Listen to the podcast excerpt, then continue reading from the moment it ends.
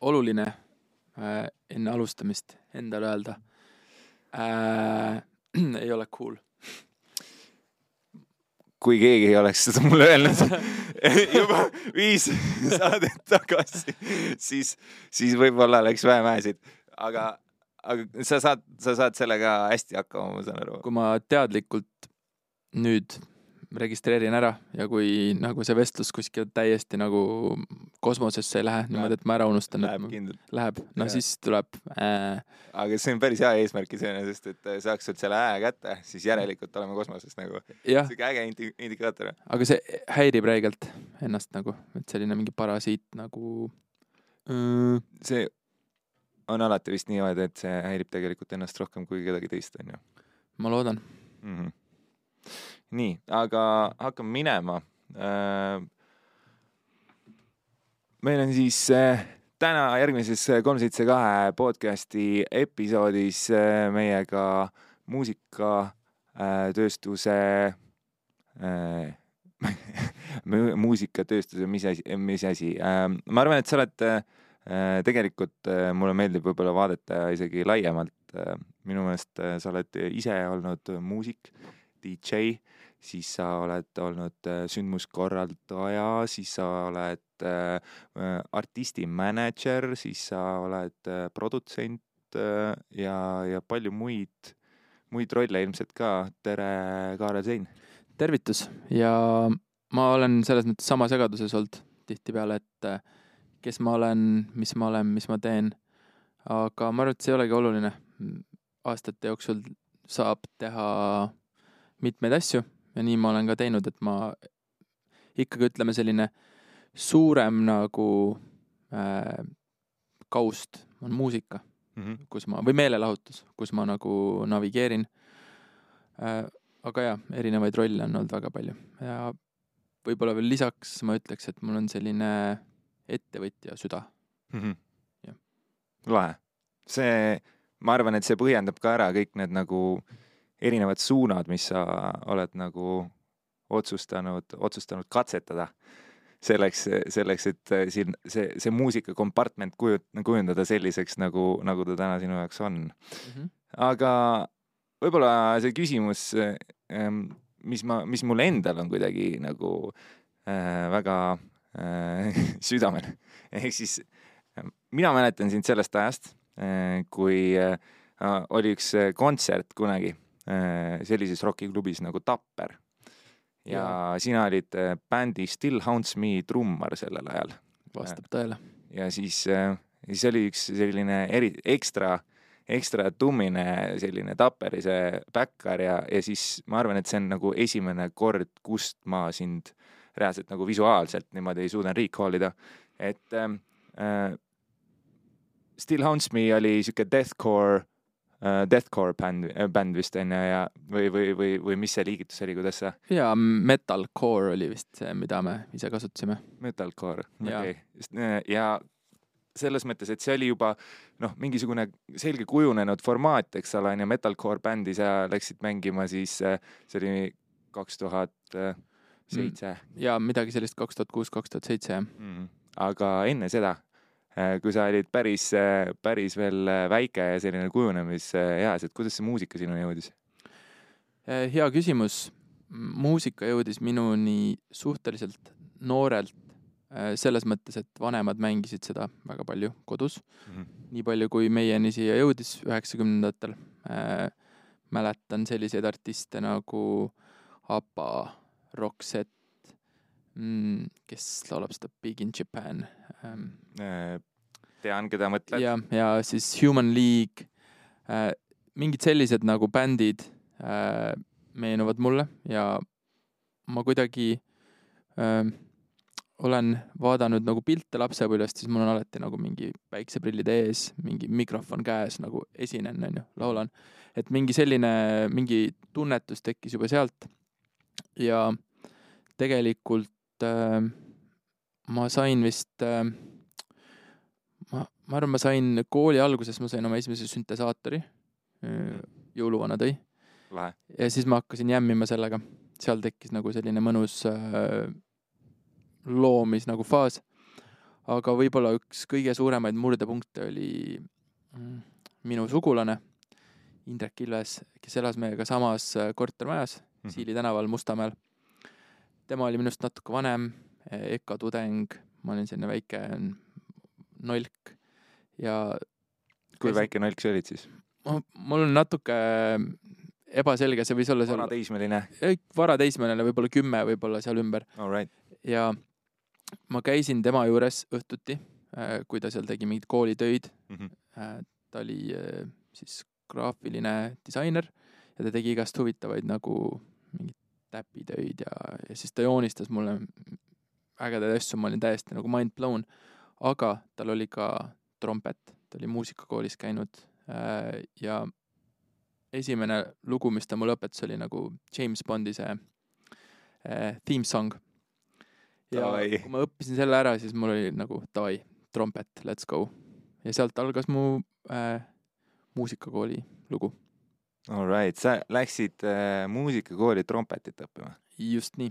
nii et sa oled solfis äh, äh, siiamaani fluent jah? ei, vastupidi, ma, mul, mul nagu, ma olen hiljem nagu paremaks saanud, muusikakooli ajal ma nagu, ma sain aru, mis toimub enam-vähem, aga ma ei olnud äh,, ma olin nagu hea trompetimängus, aga mitte nagu teoorias. Sa käisid äh, Tallinna kolmekümne teises keskkoolis, eks ja seal käisin ja Nõmme laste muusikakoolis käisin mm? -hmm. trompetit mängimas. lahe, aga, aga kui, kui present see, ütleme, su sõprusringkonnas sellel hetkel oli äh, muusika kui selline, sest et äh, see noh, trompet kui selline, eks ole, on ju, kui sa oled äh, seal varateismeline tüüp, kes mängib nagu trompetit, et see ei ole väga klassikaline valik, et üli, ülilahe, et sa nagu leidsid tee nagu sellise instrumendi juurde, mis ei ole nii noh, ei ole kitarr või ei ole trummid või, või ei ole mingi selline nagu väga klassikaline noorte inimeste valik et äh, kas, kas su ümber selle võrra tekkis ka teisi selliseid äh, äh, nii-öelda muusikuid, kellega, kellega sa koos nii-öelda jõudsid, ma ei tea, jämmida või mingisuguste nagu äh, mõttearendusteni? jaa, põhimõtteliselt see on huvitav laine.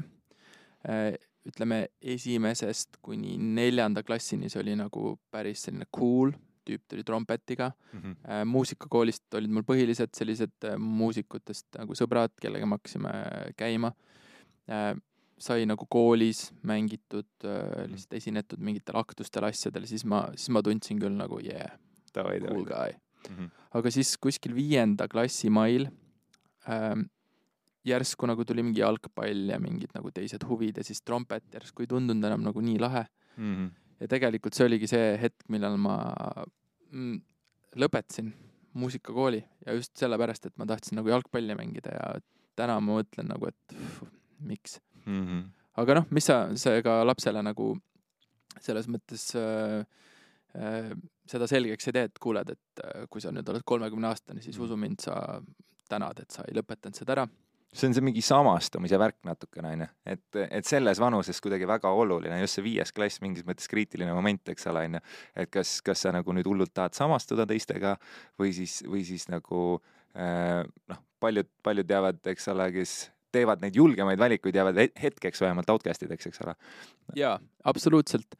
et õnneks nagu sotsiaalselt koolis oli nagu okei okay. Mm, -hmm. ma ei tundnud, et ma olen nagu selline erak või, või kuidagi, et see trompet tegelikult ei oleks nagu mulle nii-öelda sotsiaalselt midagi nagu halba teinud. see ongi, see ongi mega, mega äge nagu kuulda seda, sest et noh, minu, ma, miks ma nagu võib-olla üldse lähen sinna suunda, onju. ma, mu taust on see, et ma olen Pärnust, eks ole, onju. väga teine vibe kui Tallinn. oluliselt äh,, oluliselt nagu rohkem on seal võib-olla eelarvamusi erinevate nähtuste suhtes, sest et inimesi on vähem äh,, tehakse võib-olla vähem asju ja siis on, kastid on väiksemad, kuhu asju paigutada, onju ja siis see, see, sellest ka minu, minu võib-olla selline võrdluspunkti otsimine nagu. aga, aga lahe ähm,. trompetist edasi liikudes äh, keskkooli ja, ja, ja sinna suunas, et äh, Still Haunts Me, kust, kust see tuli? Pärast jalgpalli kõlab nagu päris selline nagu järsk üleminek äh, metal, jalgpallist metalcore'ile nagu. see on, tegelikult oli päris loogiline nagu areng. jalgpall oli väga lahe ja ühel hetkel siis tekkis minu ellu BMX mm. trikirattasõit ja hakkasin lume lauatama ja kuidagi selline nagu street style äh, pakkus mulle huvi ja siis sisuliselt äh, mm, ma ei mäleta täpselt, ma arvan, see võis olla mingi selline kümme, üksteist, kaksteist algusega äh,. kui ma hakkasin oma päevi nagu skatepargis veetma mm., ainult seal, ma võisin isegi nagu detsembrikuus läbi lume lihtsalt oma BMX-i lükata, et nagu Nõmme skateparki jõuda, see oli, see oli reaalne drive. ja seal äh, tekkisid mul uued sõbrad mm, -hmm. nad ku kuulasid väga palju erinevat muusikat äh,, räpist äh, päris sellise kangema metallini mm. -hmm. ja tegelikult sealt äh, tuli see nagu metalli roki pisik mm -hmm. tugevamalt sisse äh,. seal ma juba sain päris palju sellist huvitavat mitte mainstream nagu metalit, muusikat kuulata ja mm. -hmm. aga kas sa sellel hetkel juba nagu kind of noh, sellest trompetist, sa jõudsid läbi jalgpalli tagasi sinna äh, ja läbi selle skatepargi ja nende inimeste tagasi sinna muusika juurde, kas sa nagu mingis mõttes juba teadsid või adusid seda, et sa tahad oma nagu elu muusikaga siduda või oli see still selline nagu otsing? siis veel ei teadnud, siis ma ei olnud veel kindel, aga põhimõtteliselt, kui see BMX-i aeg nagu hakkas ka otsa korrale saama, siis ma otsustasin uuesti äh, hakata pilli õppima, aga sedapuhku ma hakkasin trumme õppima, et ma mhm. läksingi Kullo laste sinna keskusesse mm -hmm. ja õppisin seal trummi mm -hmm. ja siis, siis ma kuidagi sattusin jälle nagu uue laine peale ja võiks öelda, et äh, kui mul juba väike mingi skill oli tekkinud, mm, eh, võib-olla tasub veel korra ära mainida, et mu esimene selline trummi nagu äh, siis äh, hämmastus või nagu mm -hmm. motivatsioon tuli juba muusikakoolis, äh, kui ma käisin orkestris mm. -hmm. Eestis selline tuntud trummar Kaspar Kalluste mm, -hmm. tema oli meil orkestris, oli trummimees ja siis kui me käisime kuskil väljasõidul, siis ma sain trumme proovida. aga tol hetkel tundus nagu täiesti noh, võimatu, et ma kunagi üldse saan endale trummid nagu koju mm. -hmm. aga noh, siis äh, siis ma hakkasin mängima, hakkasime bändi tegema, saime mingid äh, sõbrad kokku ja, ja siis sealt hakkas see bändi tee pihta ja tegelikult siis ma juba nagu teadsin, et see on minu tee. Päris, äh, päris nagu varakult, mis, mis on nagu ka üsna harukordne, et äh, nii äh, nii varases nooruses tegelikult ära tunnetada ja tegelikult mitte ainult tunnetada, aga ka leida see usaldus selle intuitsiooni vastu.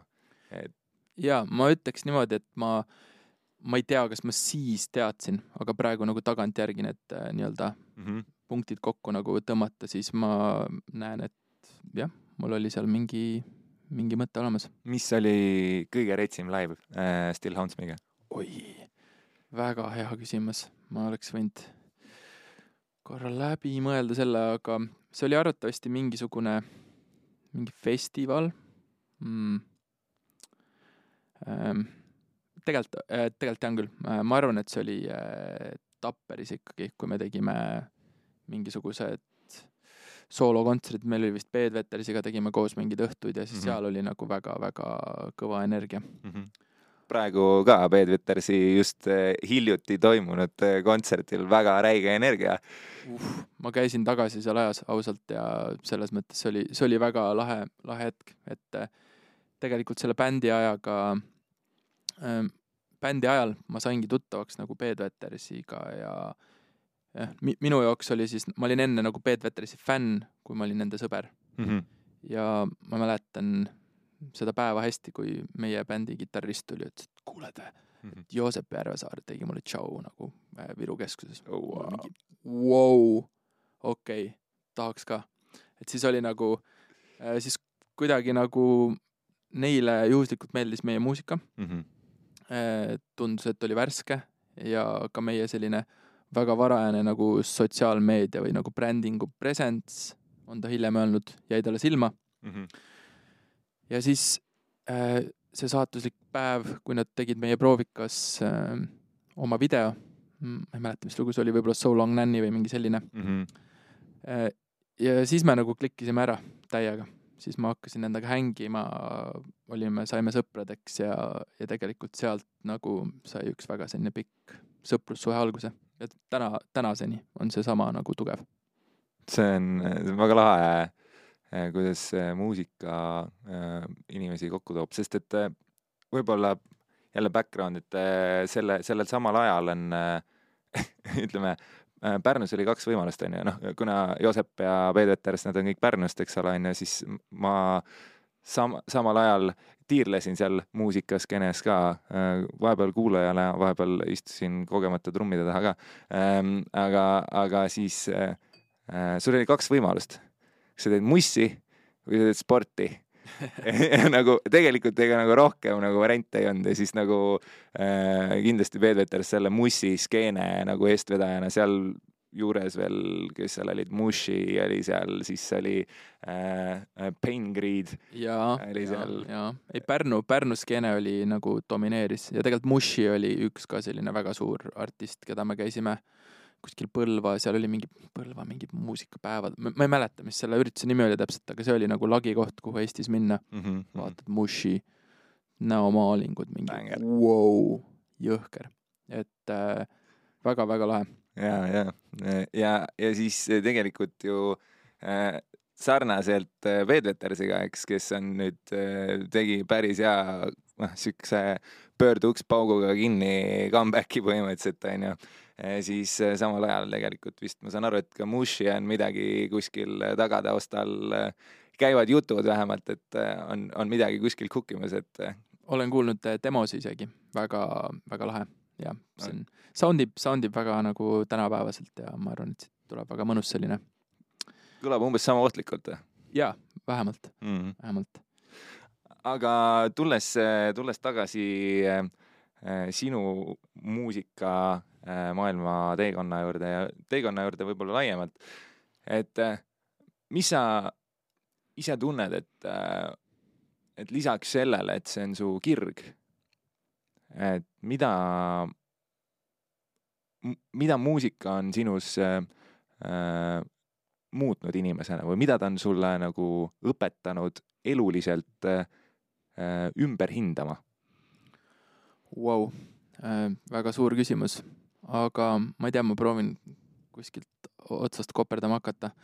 et äh, minu jaoks muusika võrdub nagu emotsioon mhm. ja see on täpselt see, see aitab mul luua täpselt seda meeleolu, mida ma parasjagu tahan, et äh, ma võin panna mingisuguse, ma ei tea, seitsmekümnendate souli fungi tööle, siis ma, mul tekib kuidagi selline naturaalne nagu groove sisse või äh, ma ei tea, kui ma tahan kiiresti väga energiliselt tööd teha, siis ma võib-olla panen üldsegi mingi Psytrance'i peale mm, -hmm. midagi sellist. aga samas, kui on pühapäeva hommik, kuulame abikaasaga koos R'n'B-d, soul'i, ma ei tea, Barry White'i. et see on, see on, see äh, aitab mul kuidagi nagu mingis, mingis nagu soones püsida või ta on nagu minu jaoks selline turvaline nagu äh, keskkond mm. -hmm mitte, et mulle vaikus ei meeldi, mulle väga meeldib ja ma arvan, et eh, ega metsas kõndides nagu linnuhääled ja lehed ja tuul ja kõik see tegelikult on ka mingis mõttes nagu muusika, metsamuusika.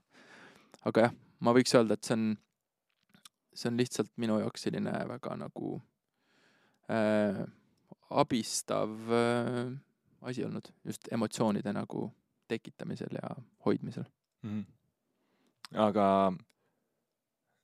kui, äh, kui mõelda grind'i peale, siis äh, mis on see emotsioon, mida grind endas kannab uh.?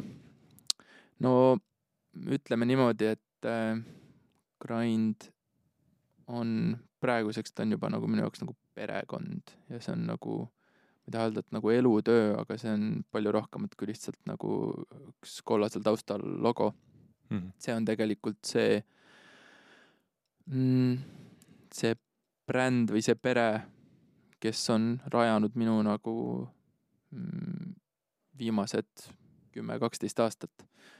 Ja täna alg-, algselt olles selline ühekordne nagu klubiüritus ja mm, ma ei tea, mingi selline DJ üritus. Grind vist kasvas ka tegelikult ju välja Pärnust, eks ole, onju. ta oli ju kuskil äh, rannaliival surfiklubi ees suvised mingisugused hängid, äh, mis siis tegelikult manifesteerusid äh, pidude, festivalide ja, ja igasuguste muude siis nagu muusikaäri liinideks tegelikult onju. absoluutselt ja väga orgaaniliselt ta nii läks, et Joosep alustas Pärnus äh,, tegi siis äh, rannaklubis või beach club, ei see surfiklubi oli sur, surfiklubi jah, surfiklubi vist jah. ja, ja seal, seal ta tegi mingid üritused ja siis tuli talveperiood, siis oli vaja nagu kuhugi siseruumidesse minna. väljas on ju külm. väljas on külm, olin õigel ajal õiges kohas äh,. Mihkel Sillaots oli seal samuti ja mõtlesime, et teeme neljapäeval peo.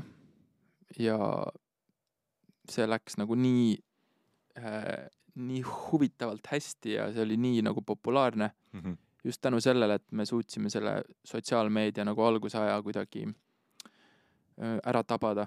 et siis olid need Facebooki event'id ei, seal oli nagu puhtalt äh, kõik, kes osalevad, näevad kõiki postitusi, seal mingit algoritmide nagu mängu ei olnud. nagu toores attend, kui, kui, kui nii võib öelda. ja me saime päris hea nagu jälgijaskonna kohe kiirelt külge.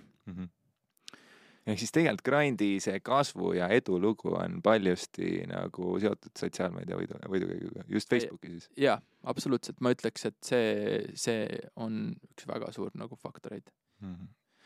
ja eks nii ta edasi läks, ma noh, algus, algusaastad olid ikka nagu rabedad ja siis oli momente, millal mõtlesime, et uh, nüüd vist on nagu läbi, onju.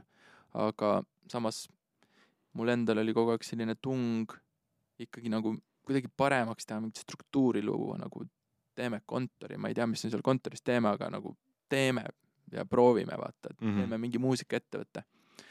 ja ma pean tunnistama, et äh, alles selle aasta alguses ma nagu tundsin esimest korda, et nüüd see on nagu see ettevõte, nüüd ta on nagu ju- juba mingi kuju, ta on nagu valmis.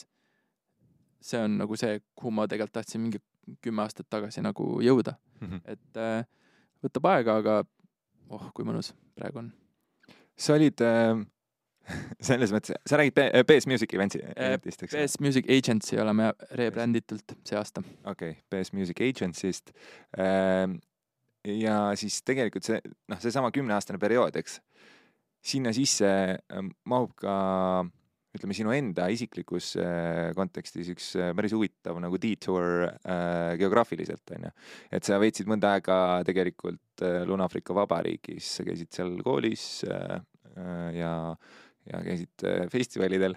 jah, ja seal sain ka sinuga suhteliselt äh, vist, siis Jaa. me saime tuttavaks. siis me saime tuttavaks, enne me võib-olla teadsime nägupidi üksteist, aga, aga jaa, seal see oli väga, see oli väga lahe viis, kuidas tuttavaks saada, ütleme niimoodi. kuulajatele ka teadmiseks, et me käisime Kõrbes festivalil, Africa Burn, nagu Burning Man sisuliselt ja me veetsime nädal aega koos Kõrbes. ja siis äh, tegime, tegime väga huvitavatest, noh, seal on alati nagu see värk, et räägitakse sellest liivast, eks ole, onju, mis on äh, ever present, onju, et see on igal pool.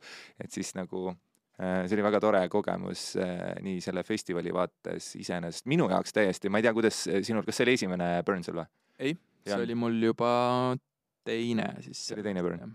okei okay,, noh, sa siis sellepärast sa ka võib-olla teadsid neid, neid nagu ütleme, kohalikke, kohalikke nippe natuke paremini kui meie onju, kes tulid seal nagu mingi, no davai, me tulime siin telkidega kohale, et mis nüüd saab, eks ole. et eh, aga, aga ei, väga, ma ütleks, et minu jaoks nagu kindlasti oli see elumuutev kogemus, sellepärast et eh, lihtsalt see variety äh, ja see inimeste äh, kirjusus. See, see, et kui, kuidas sa näed, kui erineval viisil on võimalik nagu äh, inimene olla või inimeseks olla, siis see on minu jaoks nii nagu amazing lihtsalt. see on reaalselt, see on nagu kogemus, mida ma tahan näidata oma vanematele ja ma soovitan kõikidele tuttavatele sõpradele, kui ma räägin, mul on, mul on lihtsalt selline nagu entukas sees mm., sest et tõe, tõesti, see on nagu äge, see on keskkond, kus nagu inimesed lasevad oma need nii-öelda igapäeva mingid äh, müürid täiesti maha ja siis nagu noh, see on tõesti, see on nagu issanda nagu see loomaaed, Mm -hmm. aga, aga kõige paremas mõttes. absoluutselt et äh, täiesti nõus, ma kirjutan alla su statement'ile nagu kahe käega, kui on võimalik. ja, ja et äh, väga lahe, aga äh, teema juurde tagasi, et Jaa. ma läksin tõepoolest sinna ülikooli, läksin õppima äh, heliinseneriks Mhm. ja mm, ülikooli teekond oli algselt kolmeks aastaks plaanis, aga see venis lõpuks kuskile viie-kuue peale. kas ma võin küsida, miks, miks sa Lõuna-Aafrikasse otsustasid minna just? absoluutselt. ma ei olnud kunagi Aafrikas käinud, Mhm. ta tundus minu jaoks huvitav kant. enne seda ma tegelikult käisin vahetusaastal Ameerikas, ma elasin Michiganis kaks tuhat kuus, kaks tuhat seitse. Mhm. see oli ka tegelikult see bändi aeg. ja siis ma hiljem käisin Aasias väga palju ringi reisimas, Euroopa oli juba läbi käidud tolleks hetkeks samuti, Mhm. seega Aafrika tundus mu jaoks nagu huvitav koht Mhm. ja tol hetkel siis minu elukaaslane, temaga koos me otsustasime, et me lähme Lõuna-Aafrikasse, leidsime mõlemad endale ülikoolid seal ja ja siis võtsime kohvrid ja läksime. Vau, lihtsalt nagu põhimõtteliselt tegelikult väga selline seikleja valik, ütleme niimoodi vist. Sada protsenti jah, see oli, see oli, see oli täielik selline, me tegime päris palju nagu uuringut enne, kuhu minna, väga tugevad kandidaadid olid ka tegelikult äh, San Francisco, me vaatasime Taimaale, Bangkoki, Mhm. Mm, Lõuna, Lõuna-Ameerikas oli ka mõned variandid, aga lõpuks, kui ma ei eksi, siis see ikkagi jäi nagu finantskaalutlustel, Jah. see jäi Lõuna-Aafrika, sest et ülikooli äh, siis hind oli nagu hea, elam-, elamishind oli hea, et tegelikult nagu see, et ma nagu vaene sellel ajal olin, oli, oli hea. jah, muidu, muidu oleks äkki teistmoodi kujunenud. no võib-olla jah, oleks kuskil USA-s lõpetanud või jumal teab. oi, oi, oi, oi, oi. aga, aga, aga mi, mi, mis on äh, sinu võib-olla äh, kõige eredamad mälestused seoses selle äh, Lõuna-Aafrika äh, ajaga? Üks asi muusikaliselt, aga mulle tundub, et kui sa veedad nii pika aja, sa olid seal kuus aastat. kui sa veedad nii pika aja mingisuguses teises kultuuris, siis äh, paratamatult see saab väga suureks osaks sinust. et äh, mis sa täna oled äh,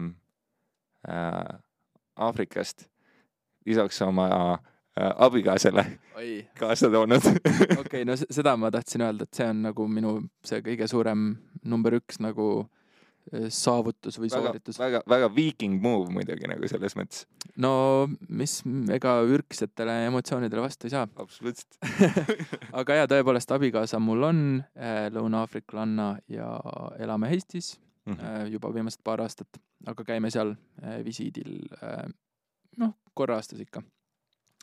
Aga muusikalises mõttes ma arvan, et selline mm,, mul oli nagu väga huvitav äh, äh, olukord mm, -hmm. Mhm. ma arvan, et kuna on selline podcast'i formaat, siis ma võin natuke venitada ja detailselt rääkida saab pane täiega.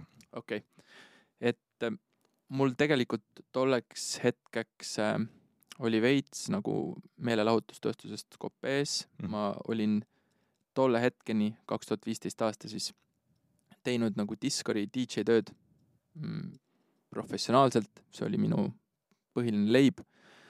veetsin mm, kolm, kaks-kolm päeva nädalas ööklubides ja mul oli natuke kopp ees, ma ei, ma ei viitsinud seda teha ma arvan, et ei saa süüdistada sind pikad tööd ja väga energiamahukas töö, et jaa, just, just, et mulle väga meeldib ja ma teen seda täna nagu ikka siin-seal hea meelega, mm. -hmm. aga lihtsalt ei olnud nagu jätkusuutlik tol hetkel. Mm -hmm.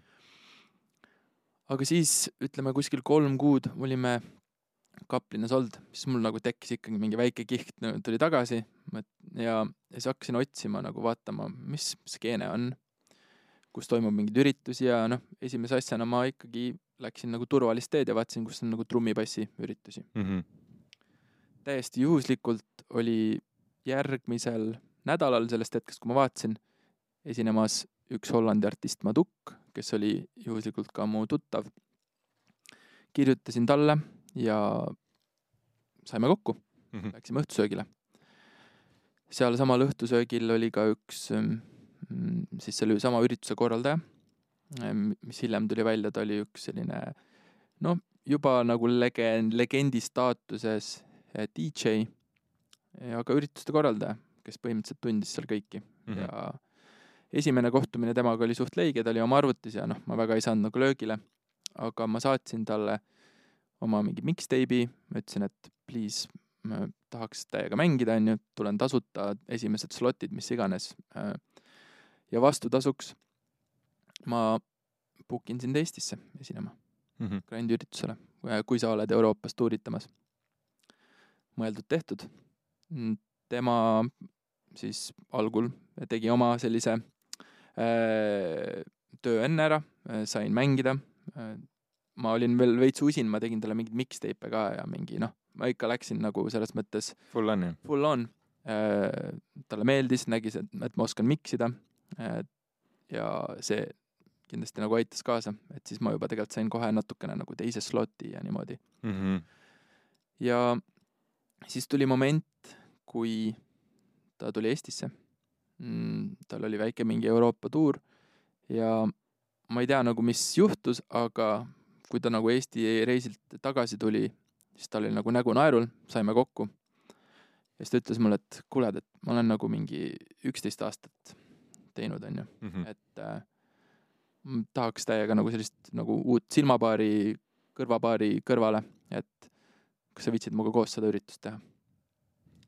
ürituse nimi äh, selline natukene kentsakas It came from the jungle, Mhm. kust ka juh- juhuslikult trumm ja bass on alguse saanud. Mhm. hakkasime koos seda tegema ja ma tegin seda kaks aastat. ja ma mängisin iga neljapäev ühes ööklubis seal, olimegi nagu residendid mõlemad, selline väiksem, ma arvan, maksimaalselt viissada inimest. meil käisid mõned välisartistid seal ja nii edasi, Mhm. aga läbi selle ma sain nagu sinna skeenesse sisse. Ma sain festivalidele mingeid booking uid, ma sain sisuliselt tuttavaks Lõuna-Aafrika nagu põhimuusikatööstuse inimestega Mhm. lihtsalt läbi selle, et me nagu noh, meil oli see mingi connection ja ja koos lükkasite ja hea energia ja tekkis mingi crew, kes nagu oli regularid ja mm.. jaa, absoluutselt, eks see käis üle, üles-alla, lihtne ei olnud, aga samas üli, üliäge, et äh, ja ma kaks aastat tegin seda temaga koos ja siis ma mm, tegin muid asju, aga kuidas ta artisti nimi oli? Niscaron Niscaron või? ja ta on hästi, tal on sellised pikad rastapatsid ja ja kui sa lähed Lõuna-Aafrikasse, küsid kellegi käest, kas sa tead, kes on Niscaron, siis äh, enamus teavad. tõenäosus on, et teatakse. Jah. okei okay.. aga siis seesama kogemus, sa ütlesid, et see tegi su äh, tuttavaks siis äh, äh, riigis nende muusikatööstuse inimestega. samal ajal äh, kodumaal teil Grandi ratas tegelikult ju veeres. et äh, kuidas need kaks otsa siis omavahel äh, kokku said? jaa, huvitav küsimus, et tegelikult ma samal ajal ikkagi nagu Eestis ka nagu mul oli nii-öelda varvas oli natuke sees, et Mhm. kaks tuhat viisteist, kui ma Lõuna-Aafrikasse läksin, siis ma natuke nagu eemaldusin. mõtlesin, et nüüd on minu aeg nagu midagi muud teha, Mhm. aga siis ikkagi ma kuidagi, ma ei tea, ma imbusin teemasse tagasi. algul nagu vähem, lihtsalt vahendasin nagu välisartiste, Mhm. mis võib öelda, et on üks minu selliseid mm, võib-olla tugevamaid oskusi või kus mul on kõige nagu suurem kogemuste pagas Mhm. ka täna. aga siis, siis kuidagi mm, muutus ülilihtsaks nagu see suhtlus üle veebi, me olime samas ajavööndis jaa, äh, kaplinnaga ja ma sisuliselt nagu töötasingi nagu remotely juba enne, kui see nii-öelda oli thing. oli, oli thing, ütleme niimoodi, ja väga-väga aktiivselt äh, kuni sisuliselt selle aja lõpuni ja siis ma järjest rohkem hakkasin nagu teemasse tagasi imbuma ja siis juba seal ühel hetkel tekkis Nublu ja nii edasi. mm. -hmm. aga, aga sa tulid äh, ikkagi tagasi. Sa tulid äh, tagasi, noh, selles mõttes äh, seal kindlasti oli mingisuguseid mitmeid erinevaid põhjusi, aga kui sa, kui sa mõtled äh, nüüd äh, selle peale, et mis sind just äh, emotsionaalselt nagu tagasi tõi minu põhiline põhjus oligi see, et ma olin kogu aeg nagu eemal. naljakad olukorrad olid, kui ma mõni, mõni nagu suvi käisin äh, külastamas enne siia kolimist Mhm. ja siis äh, läksin ühele meie peole äh, esimest korda äh,, mis siis toimus Kultuurikatlas mm. -hmm. ja siis ma ütlesin oma töökaaslasele, et vau, päris lahe koht see Kultuurikatel. ja selleks ajaks me olime seal mingi kolmkümmend, nelikümmend üritust juba teinud, et see oli päris naljakas. oh, wow. et äh, nende jaoks oli tavaline, ma olin mingi wow, päris lahe, vaata. et oligi see, et ma olin küll nagu kohal, aga ma olin eemal mm mm., nagu noh, käisin pinda, et please saatke mingeid videoklippe ja tahaks näha, kuidas läheb ja ma olin, kui üritused toimusid, ma olin täiega nagu sees seal. aga lihtsalt ühel hetkel see nagu nälg nagu sai võitu. näed, ühiselt samas ruumis asjade tegemine on äh, päeva õhtuks ikkagi nagu deliver dab rohkem seda emotional äh, sellist, ma ei tea, kuidas seda nimetada, touch'i. ja vajadust, ma arvan, et äh, ikkagi see ürituskorraldus ja kõik see, millega ma tegelen, see on ikkagi palju nagu tööd ühe nagu sellise väikse ajaühiku jaoks, et üritused toimuvad, kestavad mõned kuus tundi, festivalid kestavad kaas-, kaks päeva, aga töö nende nimel kestab nagu kuid, isegi aasta. et selles mõttes see on kind of nagu, sa oled juba kõik seal ära teinud, aga siis nagu noh, seda nagu pearooga sa ei võta, lõbusat osa. no jah, siis Jah. sisuliselt sööd nagu eelrooga ja siis pearoog tuleb, siis lükkad laualt ära ja lähed minema. Mm. see, arusaadav. aga, aga siis äh, võib-olla ongi tänapäevane äh, hetk sinu äh,, sinu elus, sest et nagu vaata see, me algusest hakkasime tulema tegelikult, et noh, et sa oled hästi mitmekülgne, teinud, katsetanud äh, paljude asjadega äh,. tromboon, trummid. Trompet. trompet äh,, trummid äh,, äh, BMX, metalcore äh, ja siis äh, kui täna sa vaatad oma, oma siis äh, töölauda, et kas, kas, kas see nagu variety või see nii-öelda mitmekülgsus äh, siis äh, peegeldub ka täna sinu töölaual absoluutselt. ja see on mõnes mõttes, enamjaolt on see väga hea, mm? -hmm. Mõnes mõttes natuke nagu kahe teraga mõõk, Mm -hmm. et nagu mingi hetk peaks olema natukene fookust, et sa saad mingis asjas nagu väga heaks. Mm -hmm. ma võiks öelda, et ma olen mitmes asjas nagu okei okay või hea, teen väga palju erinevaid mm, spordialasi Mm -hmm. mis sa teed mm,, tennis, padel, jõusaal mm? -hmm. ujumine mm,, mis ma veel teen, surf, sa kurat. et äh, selles mõttes ja ma proovin olla nagu väga aktiivne, aga ma ei ole üheski nagu mingi super hea, Mm -hmm. aga selles mõttes aga milles sa super hea oled? äh, artistide booking, on, on ju? okei cool. ma arvan, et see on see, sellele ma võin alla kirjutada, et seal on see kümme tuhat tundi täis ja seal ma navigeerin väga nagu äh, mõnusalt. aga kui sa mõtled, et ka oma siis nii-öelda igapäevasest toimetamisest või tegutsemisest, kui suure osa see sinu töölauast moodustab? seesama asi, milles sa nagu super hea oled. Mm, ma arvan, et kuuskümmend, seitsekümmend protsenti, jah, enamus, enamus. ja võib-olla korra selle küsimuse juurde tagasi, et äh, tegelikult meelelahutustööstuses ja meie väiksel turul selline mitmekülgsus on väga hea olnud siiamaani, sest et mm, suudan nagu mm, mit- navigeerida no, selle navigeerida ja kui mitte ise kõike teha, siis vähemalt mingilgi kujul nagu kellelgi teisele mm. -hmm. soovitada vähemasti midagi. Mm -hmm. aga teisest küljest äh, ühel hetkel ma tundsin, et jäle palju asju on ja see on see teine tera sellest, sellel, sellest mõõgast, sel mõõgal. et äh, siis kaob nagu fookus ära ja siis sa teed lihtsalt nagu hästi palju mingeid väikseid asju, iga päev koosneb mingist, ma ei tea, kümnest erinevast komponendist, mis ei ole tingimata halb, aga ma nii palju päris ei tahaks, et kui on nagu kolm-neli erinevat mm. -hmm. asja, jumala fine, hoomatav, tehtav, toimib. ma küsisin, ma küsisin Kristjan Järvitaja küsimuse, ma küsin sinult ka. et äh, mis on sinu elu purpose? minu elu purpose on elu elada hirmuvabalt ja teha kõike, mida ma olen kunagi tahtnud teha ja mm, mõtleks, mis mul veel on, mul on mingid asjad üles kirjutatud äh, telefoniga, ma proovin nagu seda kogu aeg nagu Arendada. update ida, arendada. mingi hetk äh, oli see mm, kontaktide loomine Mhm. Siis äh, jah, lihtsalt hästi palju selliseid erinevaid sotsiaalseid nagu olukordi tekitada ja ma arvan, et see, sellest ma olen natuke edasi liikunud, aga see oli üks hetk mul nagu selline põhi nagu missioon. ma tahtsin lihtsalt hästi paljude inimestega tuttavaks saada, Mhm.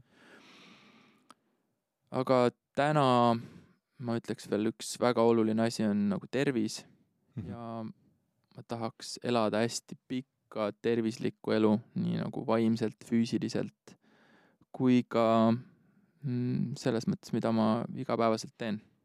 et see, see nagu, see nagu igal juhul see nagu spordivaliku see palett, mida sa ennem nagu tutvustasid, see kindlasti seda eh, tervisliku elu elamist antud hetkel toetab väga suure, suure hooga, et selles mõttes on lahe näha, et sa oled nagu eh, sellel teemal oled kindlasti raja peal, onju. sellel teemal ma olen raja peal, aga ega elu ei ole ilma challenge iteta, et mu ässa Nagu- raisk. jaa, jah, üllatus et tegelikult mul on nagu, mulle meeldib ka süüa hullult palju selle kõige kõrval ja sellepärast ma ühest küljest pean nagu sporti tegema.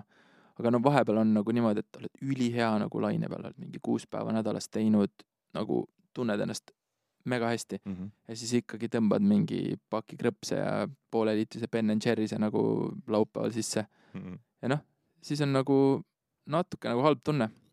ehk siis ma proovin nagu seda järjest vähemaks juurutada, et ma nagu äh, mingi, mingite aastate, aastate eest hakkasin nagu sellist tervislikku eluviisi äh, puht vajaduspõhiselt äh, rakendama. Mhm. see DJ elu ja see kõik öötöö ja palju alkoholi ja mis iganes muud. et see tegelikult ma nagu tunnetasin ja ma nägin ennast ja ma vaatasin nagu "Ugh, Mhm. see niimoodi, niimoodi nagu pikalt ei sõua Mhm. Aga see, see õnneks oli hea nagu, sest ma nägin ennast, kuidas ma lihtsalt mingi, ma ei tea, kahekümnendate lõpus nagu noh, ma ei olnud, ma ei olnud oma parimas vormis, Mhm. absoluutselt mitte. ja siis ma nagu hakkasin erinevaid lükkeid tegema selle jaoks. Mhm. aktiivsus on alati olnud minuga kaasas, trenn ja niimoodi. aga siis mul see vaimne nagu komponent kuidagi, selle peale ma ei mõelnud üldsegi Mhm. ma tegin, aga mul ei olnud nagu mm, ma ei olnud nagu kohal või ma ei teinud seda nagu teadlikult kuidagi Mhm. võib öelda. ja ma arvan, et kolmekümnendate alguses äh, see teadlikkus tuligi nagu, hakkasin mediteerima Mhm. mm, hakkasin nagu elu analüüsima, kuidas ma iga päev teen nagu, mida ma mõtlen. ma, ma arvan, et väga suur nagu impulss selle jaoks oli see ka, et äh, mitte veel väga kaua aega tagasi, see võis olla, ma arvan, neli-viis aastat tagasi, kui oletame, et mulle tuli näiteks reedel mingi selline halvema sõnumiga email. noh, et ma tegin midagi valesti või midagi on halvasti või midagi on tööalaselt juhtunud Mhm. siis ma võisin nagu terve nädalavahetuse selle üle põdeda. keerutad seda enda peast nii suureks, nii suureks mm. -hmm. ja siis nagu esmaspäeval saad aru, et tegelikult nagu ei olnud midagi. tegelikult oli suvaline asi, Mhm. lihtsalt ma nagu, ma ei tea, ma kuidagi keerutasin ja tegin sellest nagu suure asja. ja siis ma nagu, õnneks mu abikaasa nagu ta oli väga vaimselt nagu tugev isiksus ja tema juba tegeles enda nagu mentaalsete asjadega oluliselt varem kui mina Mhm. ja tegelikult ta õpetas mulle asju nagu panema sellistesse nagu sahtlitesse enda peas. nagu põhimõtteliselt ma hakkasin nagu burning ut puhastama Mhm. Mhm. ja see on, see on kõige parem asi, ma arvan, mida ma teinud olen enda jaoks, sest et kõik eluvaldkonnad on pärast seda paremaks läinud. Mhm. ma lihtsalt suudan mm,, ma teen nagu mõttega asju, et varem oli see, et ma pesed hambaid ja siis peas saadad juba meili ja teine käsi, ma ei tea, teeb mingit kolmandat asja, siis niimoodi juhtuvad need asjad, et sa kõnnid vastu ust või lööd oma jala kuskile ära, vaata. Mhm. Mhm. üks asi korraga, teadlikult, hästi nagu mõtestatud tegevused. et see on, see on see elu, mida ma praegu tahan elada. kas sa ütleks, et äh, et selles valdkonnas, kus sa toimetad, sest peegeldades sulle tagasi seda, mis sa just ütlesid, see, see on väga nagu tervislik, see on ja, ja, ja terviklik ähm,. aga peegeldades sulle seda mõtet tagasi, kas see valdkond, kus sa toimetad, oled valinud toimetada, kas see, kas see mindset seal nii globaalses kui sa räägid, kuna sa toimetad igapäevaselt ka välisartistidega, eks ole, on ju, kui ka tegelikult Eesti kohalikus muusikatööstuses, meelelahutustööstuses, kas see on, kas see on valdav või on see pigem nagu midagi, mida kohtab harve, harva? Et äh, sorry, et kas see mindset, mis see mindset, mida, mida, mida sa enda, enda juures näed, kas sa üldse, kas sa üldse märkad seda või eh, nagu teiste inimeste juures selles, selles tööstuses või selles äh, nii-öelda industry's, kus sa toimetad? Äh, absoluutselt ja ma olen seda viimastel aastatel aina rohkem hakanud märkama mm. -hmm. tegelikult äh, see on nagu selline hiljutine, ma arvan, vii-, viimase viie aasta nagu trend olnud, sest et äh, artistid on hakanud rääkima mm -hmm. rohkem nagu sellisest vaimse tervise nagu äh, olulisusest mm. -hmm. Äh, et seda vestlust on täna nagu, ma arvan, et iga teise inimesega me räägime mingist nagu sellisest sügavamast teemast või kuidas, kuidas ta nagu lisaks oma musklile oma nagu mingit vaimu teritab või noh, mingil määral seda asja mm, kuuleb väga palju mm. -hmm. aga see ei olnud nagu case mõned aastad tagasi mõnes mõttes mõned inimesed tunnevad, et see on nagu, nagu tabuteema natukene, et või nagu selline nõrkuse näitamine mhm. mm. -hmm.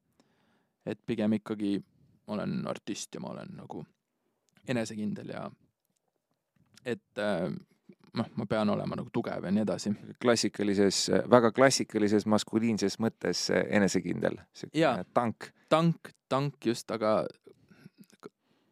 ka tangid tangid lõpevad ühel hetkel otsa. jah, see piir, riigi piiri peal on neid näha päris mitmeid, et mis just, aga ma ütleks niimoodi, et äh, ma ikkagi näen seda päris palju, et äh, inimesed ikkagi mm, võitlevad seal, mitte ei võitle, aga mm, on nagu sellise vaimse tervise nagu küüsis natukene mm. -hmm. et kui ma ise hakkasin seda arendama, siis sa hakkad seda loomulikult nagu inimestes nägema ka kõrvaltvaatajana ja ja tegelikult äh, seda on ikkagi väga palju nagu just muusikute seas sellist nagu ärevust ja, ja selline mm, pinge maandamiseks võet-, tõstetakse pudel esimese asjana või mingi muu, mingi joint või mis, mis iganes, on ju mm. -hmm. see ajutiselt lahendab selle olukorra. aga jätkusuutlikult või pikaajaliselt seda nagu teha, siis tegelikult äh, see nii-öelda mm, kaine kainelt siis äh, sellise ärevuse nagu tekkimine äh, tuleb järjest kiiremini, mida rohkem sa nagu tarbid. Mm, kui sa ei ole nagu kaine peaga endale sellist tugevat struktuuri ajusse ehitanud, tugevat vundamenti mm. -hmm. mulle väga meeldib selline ütlus, see on inglise keeles, et uh, don't drink to feel better, drink to feel even better ehk siis mm -hmm. ära joo sellepärast, et nagu paremini ennast tunda, aga kui sul juba on hea, siis nagu anna see väike lisapuust veel juurde, tähista mm. -hmm. aga ma seda esimest versiooni kahjuks nagu näen väga palju, et äh, see on jah, selline raske nagu ratast, kus, kus ennast nagu välja murda mm. -hmm. ja see on challenge, millega ma igapäevaselt selles mõttes tegelen nagu artistide mõttes ja mm -hmm. nii edasi. aga kuidas äh, sa ise äh noh, just tegelikult see on, see on päris, päris äh, äge teema, just see, äh, see ärevuse teema, mis sa tõid, eks. sest et äh, tegelikult need inimesed, eks ole, on ju, sinu enda artistid on ju, Nublu, nii edasi, need artistid on väga suure pinge all. Nad on, nad on, need, need ootused, ühiskondlikud ootused nende suunal on väga kõrged ja, ja, ja vaadatakse neile ju peale, neid idealiseeritakse ja igat nende sammu siis noh, inimesed leiavad, et neil on õigus, äh, õigus siis selle kohta midagi arvata, eks ole, onju. et siis, äh, et kuidas sina oled, ma olen kahes osas küsimus, mhm. et, et kuidas sina ise oled enda jaoks selle ärevuse manageerinud nii, et sa ei pea selle pudeli järgi haarama. ja kuidas, kuidas sa näed, et artistid, kellega sa töötad, on seda teinud? jaa no isiklikult ma ütlen, et see on selline work in progress. see tekib ikkagi mingitel hetkedel, eriti nagu meie tööstuses, ma nüüd praegu tunnengi tegelikult nagu kevade lõpus äh,, hakkab kerge nagu noh, mul näiteks natuke raskem olnud magama minna, sest ma tean, et palju asju on tulemas, palju on kaalul mm. -hmm. ja see tavaliselt näitab mulle nagu ära, et okei okay,, nüüd, nüüd on nagu selline ärevuse baseline on nagu kõrgemal, Mhm. peab hakkama nagu rohkem tegutsema. Veel eelmine aasta maikuus olime just värskelt koroonast välja tulnud. me ei istunud niisama käed rüpes koroona ajal, ikka tegime, proovisime erinevaid asju nii palju, kui oli võimalik, Mhm. aga meie nagu core business, meie põhiäri oli kinni. Mhm. ja siis, kui see nagu uuesti lahti tehti, ega ausalt öeldes ei teadnud, kui palju ma nagu suudan nüüd ära teha või me suudame ära teha, siis me hakkasime lihtsalt ühest küljest nagu rahakoti täitmiseks palju projekte võtma ja teisest küljest ka niisama oli nagu põnev jälle. aga ma tõmbasin üle selles mõttes, et ma Mhm. võtsin liiga palju kohustusi ja kuskil eelmine aasta mai lõpp ma, mul tekkiski nagu mingi selline rindu nagu valu, Mhm. ma tundsin, et see oli nagu, ma teadsin, et see oli sellest äh, ärevusest Mhm. tingitud. ja see oli puhtalt nagu mentaalne asi, sest et mul oli, võib-olla oli mingi seitse asja, millega ma pidin samal päeval nagu tegelema. ja siis ma nagu, ma jooksin nii kokku, et ma lõpuks ei osanud alustada kuskilt. Mhm. Mhm. ja kuidas ma selle, analüüsi paralüüs tekkis põhimõtteliselt. jaa, just, just väga hästi öeldud. ja mm, noh, probleem oli olemas ja siis ma hakkasin jällegi, ma pöördusin nagu abikaasa poole mm. -hmm. kuna ta on hästi tugev mentaalselt Mhm. ja tegelikult äh, me leidsime lahenduse, mis tänaseks on nagu väga hästi toiminud. Ja probleem oli selles, et mul ei olnud konkreetset nagu lõppu tööpäeval Mhm. ega ka algust mõnes mõttes. et mul selleks ajaks olid need mingid vaimsed äh, ja sellised äh, mm, spordi mingid harrastused olid igapäevarutiinis sees, see oli kõik fine, aga ma lihtsalt ei osanud ära lõpetada. ehk siis me tegime koos äh, otsuse, et ta aitab mul natuke sellist ajakava nagu luua aitab mind siis nagu minu aega manageerida Mhm. ja et mul igal päeval on äh, lõpp, väga konkreetne lõpp äh,. ja siis ma enam nagu tööasjadega ei tegele, sest et muidu, kui sa paned nagu nii kaua, kui torust tuleb, nii kaua, kui su ps, nagu pilk ei suuda enam nagu arvutiekraanile vaadata. ja siis sa lähed koju ikkagi mm, jättes selja taha suure töökõrguse nagu mäekõrguse töökohustuste hulga, siis sa ei tunne ennast hästi, sa ei tunne, et sa oled nagu saavutanud või sa oled midagi ära teinud. Accomplishment'i tunnet. just, Mhm. ja siis see tekitab ärevuse, sest ma olin juba õhtul, ma teadsin, ma, ma ei lülitanud ennast ajust tööst, tööst välja. hommikul enne, kui telefoni kell helistas, ma teadsin, ma pidin juba mingi viie asjaga tegelema ja siis ma nagu noh, ühesõnaga selline väga, väga nagu ehk siis sind, sind tegelikult, mis sind aitas, oli äh, väga kindla selle ajaraami seadmine. ja, ja noh, tegelikult on ju nendes olukordades äh,, räägin äh, oma kogemusest äh,, olles ennast ka mõni aeg tagasi läbi põletanud, eks, et noh, nendes olukordades on see, et et kui sa tuledki õhtul koju äh, ja, ja eriti siis, kui sul on äh, seal veel keegi ootamas äh, ja sul ei ole seda lõpuaega, siis noh, tegelikult reaalsus on see, et äh, sa ei ole seal kodus ei iseenda jaoks olemas, selle inimese jaoks olemas, sellest tekib mingisugust muud täiesti mingisugust nagu äh, ütleme, menetluskoormust juurde, millega, millega tegeleda just, et, et nagu, et sa ei hoia kellegi teise emotsionaalseid vajadusi ja, ja, ja, ja see kasvab tegelikult väga, noh, selline lumepall, mis nagu lihtsalt veereb ja kasvab järjest suuremaks, et äh, väga äh, nagu tervislik äh,, tervislik viis, kuidas seda probleemi lahendada, see piir, piiride seadmine on see vist on ju. see on piiride seadmine ja ma soovitan proovida inimestel, võib-olla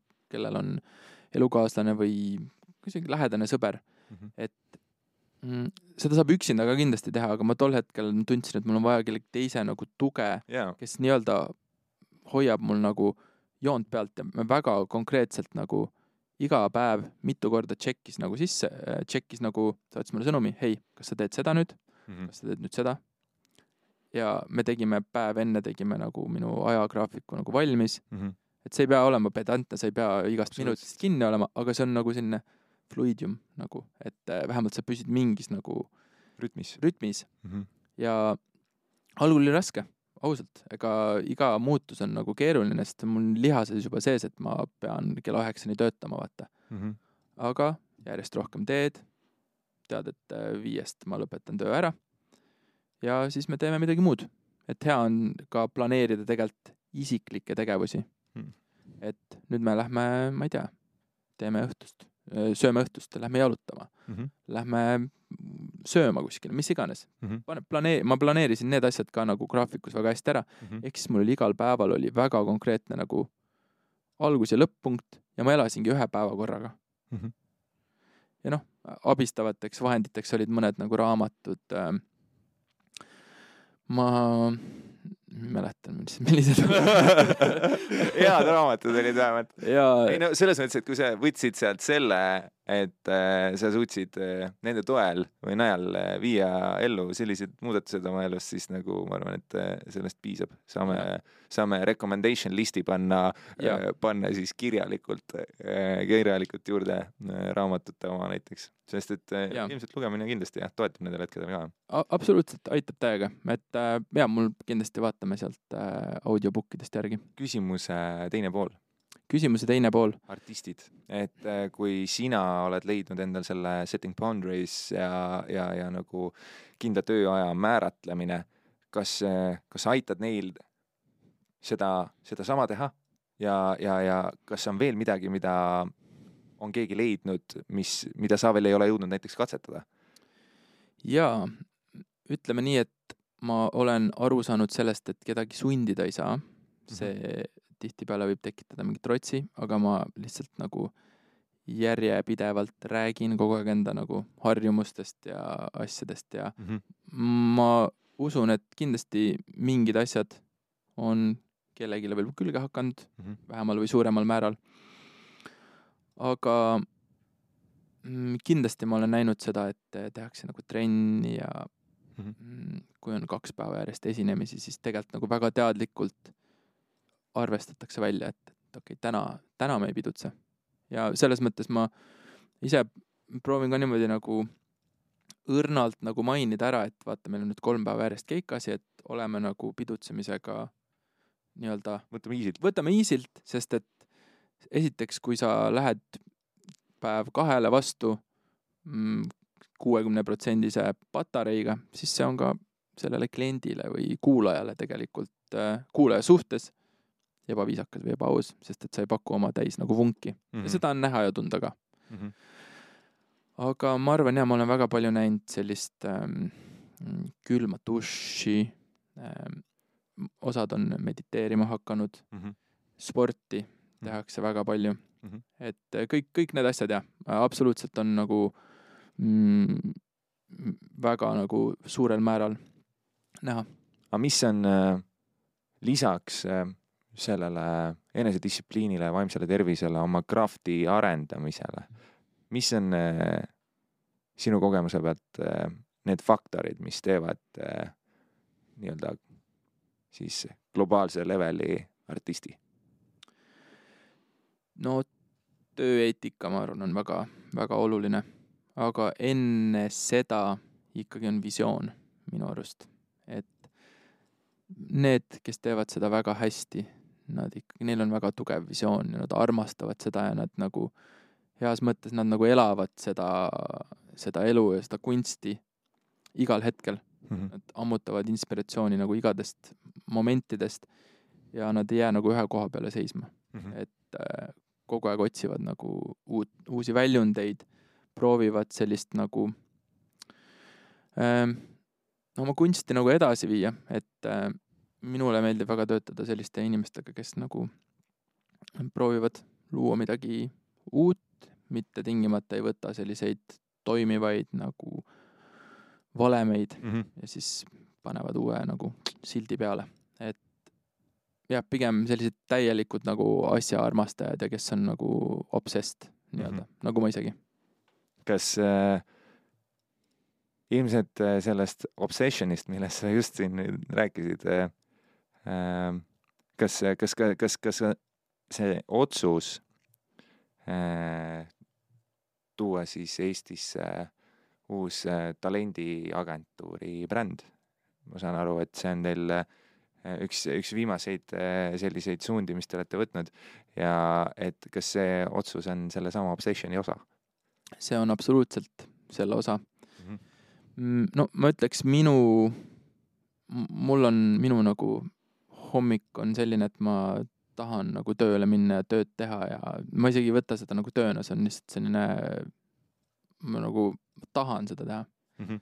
see on nagu selline esimene punkt. aga mm, see, et me selle uue booking agentuuri brändiga nagu ühineme mm,, see on ühest küljest äh, mis selle nimi on United Stage okay.? äh, ja ta on nagu Taanist alguse saanud, täna ta on juba Skandinaavias, ta on äh, Tšehhis, Slovakkias ja ta on tegelikult äh, Universal Music Groupi siis nagu selline live-osakond Mhm. nagu, et kui Universal teeb filme, nad teevad ka, on ka plaadifirma, siis neil on ka selline kontsertkorraldus ja artisti booking agentuur. Mm -hmm. ma ütleks, et äh, see variant tuli lauale läbi jällegi ühe siis tuttava inimese ja ikkagi lõpuks, mis selle nagu eh, teema seemnest nagu edasi arendas, olid inimesed. ja ma arvan, et see tegelikult on põhiline, et need inimesed olid lahedad, nad olid täpselt äh, samasuguse mindset'iga, nad on kolmkümmend aastat tagasi alustanud, nad olid lihtsalt bändi tüübid mm, Mhm. -hmm. nad teevad, nad lihtsalt armastavad nagu muusikat, seal ei peegeldunud minu jaoks läbi ühtegi sellist nagu oh, me nüüd tahame sult kõik ära võtta tüüpi mingit korporatsiooni asja. Mhm. see oli jah, seal on oluline ka see finantspool Mhm. muidugi. ja see struktuur ja ma hindan seda, seda poolt ka väga nagu kõrgelt, et ma mingi hetk, ma ei tea, ma mm,, see on küll, läheb natuke teemast kõrvale, aga. It's all about you noh. aga mul oli nagu, mul oli kuidagi häbi raha teenida või nagu, et äh, ma, ma tundsin nagu halvasti, kui ma seda teen või et ma, kui palju ma siis peaksin seda nagu teenima, et seal oli mingi, mingi imelik nagu mindset'i küsimus oli.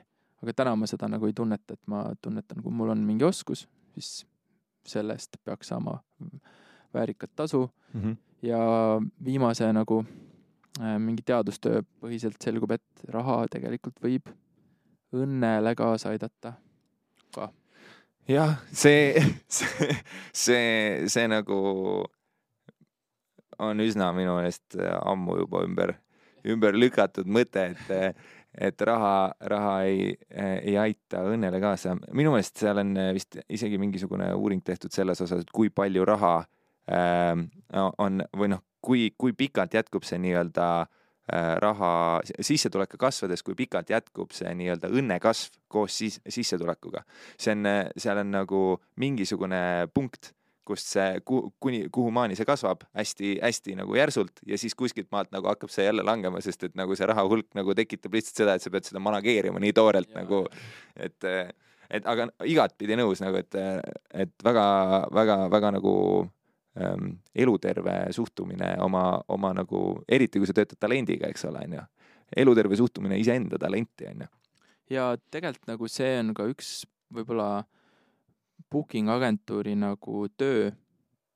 et tegelikult ma näen, et Eestis artistid ja üldse mm, erinevad nagu kunstnikud äh, ei julge küsida kuidagi raha või nagu meil ei ole seda lihtsalt kultuuri nagu sees ja selles mõttes need nagu tugistruktuurid äh, aitavad seda nagu majandust ka elavdada, et äh, kui artist peaks ise nagu küsima omale mingit esinemistasu, siis noh, ikka tuled alla.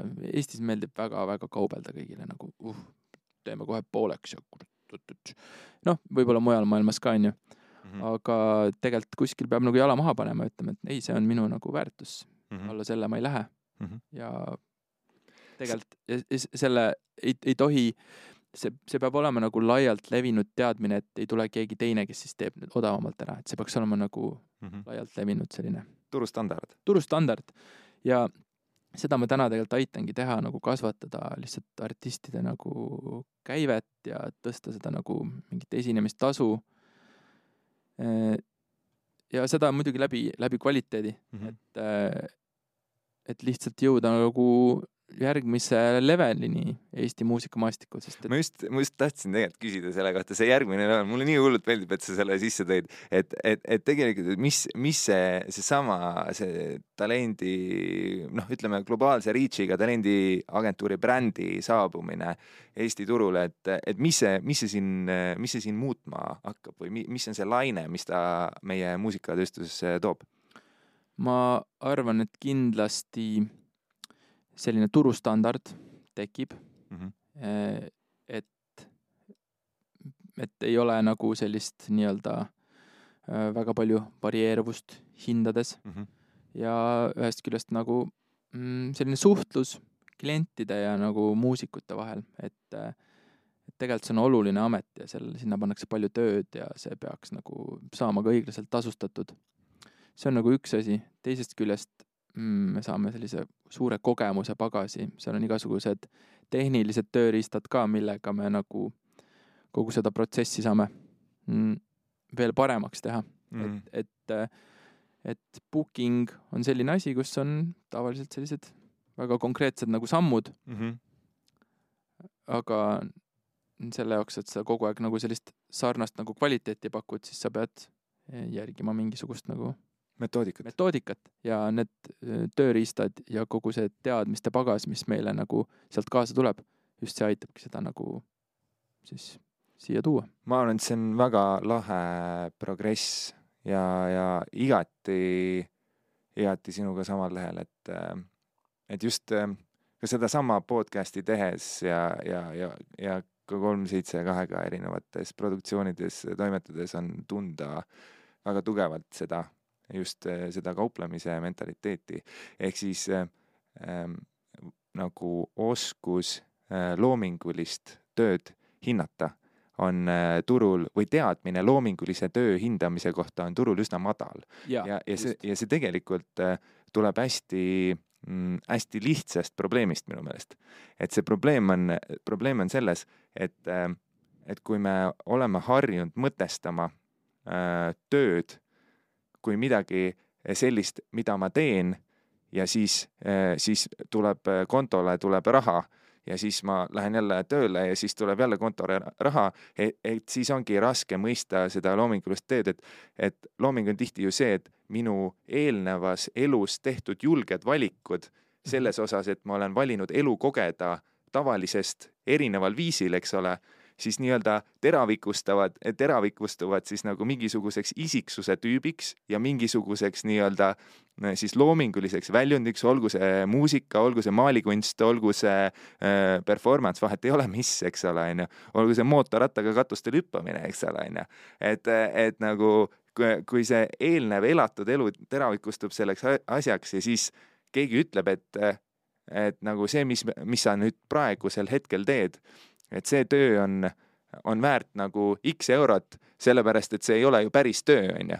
sa ju, sa ju, sa ju lihtsalt ju, no sa isegi nagu, sa ju lihtsalt panid selle lause kirja või sa ju lihtsalt tegid selle pildi ju nagu, et. mul on väga-väga hea lugu rääkida, see on, see ei ole tõenäoliselt äh, tõesti sündinud, aga võib-olla on. see on ähm, hea algus. üks äh, siis daam kohtab tänaval äh, Picassot ja ta ulatab talle salvrätiku. ütleb, et härra Picasso, et kas te saaksite palun minust äh, teha nagu portree äh,. lõks, lõks, lõks, lõks. no minutiga teeb valmis selle, annab talle, ütleb, et äh, palun kakskümmend tuhat dollarit. naine ütleb, et oh, mis asja, et see, see võttis sul ju ühe minuti aega. Picasso ütleb, ei, see on võtnud mul kakskümmend aastat aega. ehk siis, kui sul tuleb vilunud lukuvahetaja paneb sulle viieteist minutiga lukku ära mm. -hmm.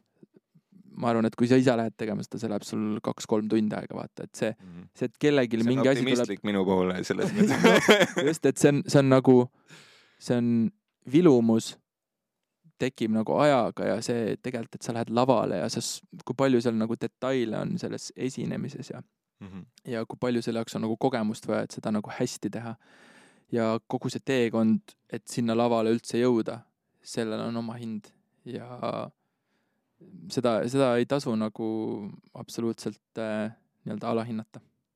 ma olen väga nõus sellega ähm,. ma arvan, et äh, üks oluline koht siin äh, äh, veel on äh, selles, selles vestluses see, et äh, kuna sa mm, oled äh, töötanud äh, ilmselt äh, väga paljude maailma tuntud äh,, tuntud siis äh, nimedega, eks ole, siis äh, äh, ma olen enam kui veendunud, et sul on äh, mõni, mõni huvitav lugu, mida sa ei ole tükk aega rääkinud. Ma, ma palun, palun, et sa räägiksid eh, mõne põneva loo eh,, mis eh, seostub eh, kellegagi, kellega sa oled teost- eh,, töötanud koos. ja nagu veel enam, kui sa suudad sellest põnevast loost keerata välja mingi toreda moraali, siis nagu äh,. uh,. sa oled üks suur kõrv, jah? ma olen üks suur kõrv, isegi kaks tegelikult. okei okay., no mul on selles mõttes väga mitmeid äh, erinevaid lugusid, aga ma arvan, et äh, üks kõige eredamaid momente just oli sealsamas Lõuna-Aafrika Vabariigis ja see minu sama mm, partner, Nis Caron Mhm. tema oli mm, siis mõned aastad enne meie tutvumist oli tuuritanud sellise artistiga nagu Skrillex Mhm. Lõuna-Aafrika Vabariigis ja mina, ma nagu algul ei uskunud teda, mõtlesin nagu ja, jah.